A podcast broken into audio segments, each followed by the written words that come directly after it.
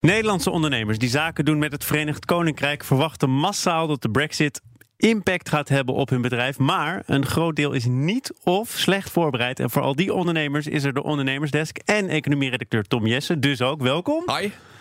Hoe uh, erg is het gesteld?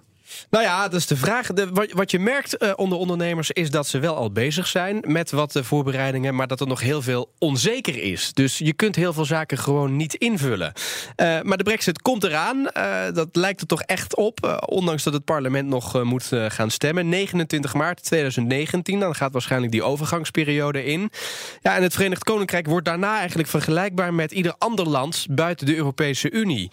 En dat heeft weer gevolgen voor de manier waarop uh, ja, Nederland uh, zaken gaat doen met het uh, VK. En ook ja, als je het niet verwacht als ondernemer, dan kan die brexit dus gevolgen hebben voor de manier waarop je zaken doet op dit moment. En het is dus belangrijk om te onderzoeken wat de gevolgen van de brexit voor je onderneming zijn. En dan kun je het beste ja, nu al mee beginnen. Ja, nu al. je kunt ook zeggen, het is al eind november. Ben je niet veel te laat als je nu begint? Ja, dat zou je denken, maar dat is niet het geval. Want ondanks dat er dus een conceptakkoord ligt, is nog niet bekend hoe die brexit vorm krijgt. Er zijn nog heel veel onzekerheden.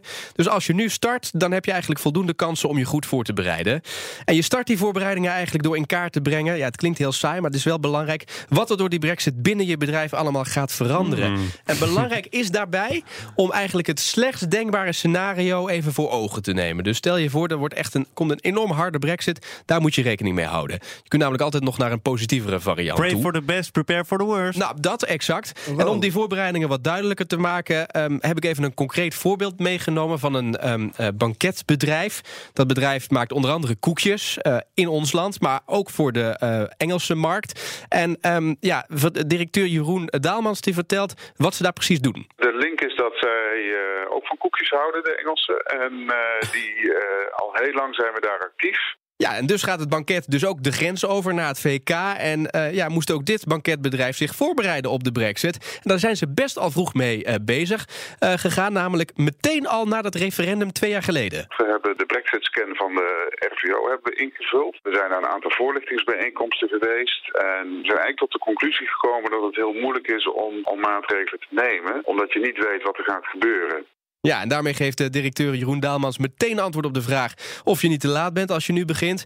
Maar doordat het dus nog zoveel onzeker is, is eigenlijk het antwoord op die vraag: het kan altijd nog. En doe het nu, want dan kun je er nog van profiteren. En dan is er dus die Brexit Impact Scan, een vrij algemene scan. Nu hebben we het ja. over een, een banketbedrijf. Hoeveel heb je daar nou eigenlijk aan? Nou die scan is in ieder geval um, goed om aan het begin te maken. Om in kaart te brengen um, ja, dat je door die brexit geraakt kunt worden. Misschien denk je wel, nou, die brexit kan me helemaal niks schelen. Maar die scan maakt dat toch zichtbaar, ook als je het niet uh, verwacht. Dus die onverwachte voordelen die worden zo uh, uh, zichtbaar. En daarna zet je eigenlijk de volgende stap. En dan kun je echt specifiek advies gaan vragen... voor de tak van sport waar jouw bedrijf actief is.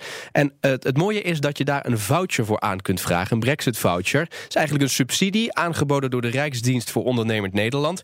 En met die subsidie kun je een adviseur inschakelen die samen onderzoekt wat de gevolgen zijn van die brexit. En die adviseur weet dat al wel. Die adviseur, als het, als het goed is, wel. Okay. Laten we hopen. In ieder geval, die heeft zich daar meer in verdiept. En die gaat uiteraard ook je bedrijf scannen. En die gaat dan kijken van, ja, wat zijn de risico's in jouw tak van sport? Um, ja, en de vraag is natuurlijk van, ja, is het interessant voor ondernemers om die subsidie aan te vragen? Nou, en daarmee is de vraag ook interessant, hoe hoog is die subsidie dan? Nou, hou je vast. Je krijgt als onderneming een vergoeding van 50% van de werkelijk gemaakte kosten. Er zit een max aan van 2500 euro. En je kunt die subsidie ook maar één keer per bedrijf aanvragen. Ja, lijkt me, royaal lijkt me aanbod. Ja, ja nou, er is ook een totaalbudget. Er is een, een potje, zeg maar, door de overheid. Uh, Zo'n 3,9 miljoen euro zit daarin. Ik heb het net nog even gecheckt. Er is nog ruim voldoende. Dus er zijn heel veel ondernemers die daar nog geen gebruik van hebben gemaakt. Er zijn wel nog wat andere voorwaarden aan die subsidie uh, verbonden. Check daarvoor de site rvo.nl.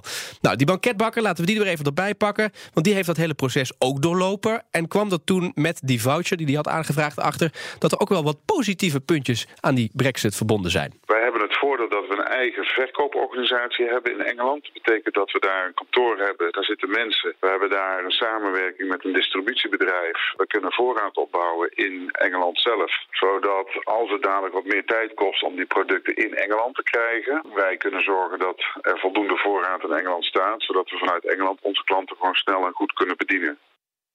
Dan is het, ondanks dat we nog heel veel niet weten, natuurlijk de vraag: hoe hou je nou je hoofd koel in deze Brexit-perikelen?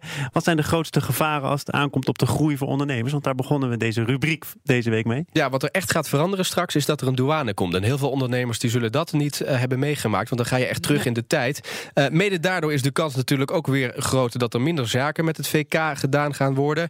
Maar er zijn ook nog andere zorgen. Laten we nog één keer luisteren naar die Jeroen Daalmans van dat banketbedrijf. Grote zorg is dat de pond verder gaat dalen. Dat drukt natuurlijk enorm op de prijs. Uh, dat is een groot gevaar. En uiteindelijk een ander gevaar is dat het niet meer aantrekkelijk wordt om daar zaken te doen. En dan zou je behoorlijk wat uh, volume kunnen missen. En dus is ook de tip: onderzoek alternatieve markten, afzetmarkten dan alleen het Verenigd Koninkrijk. Want daar kunnen wel eens hele mooie, verrassende zaken uitkomen. Tom, bedankt weer deze week. Ondernemersdesk over groei wordt mede mogelijk gemaakt door NIBC.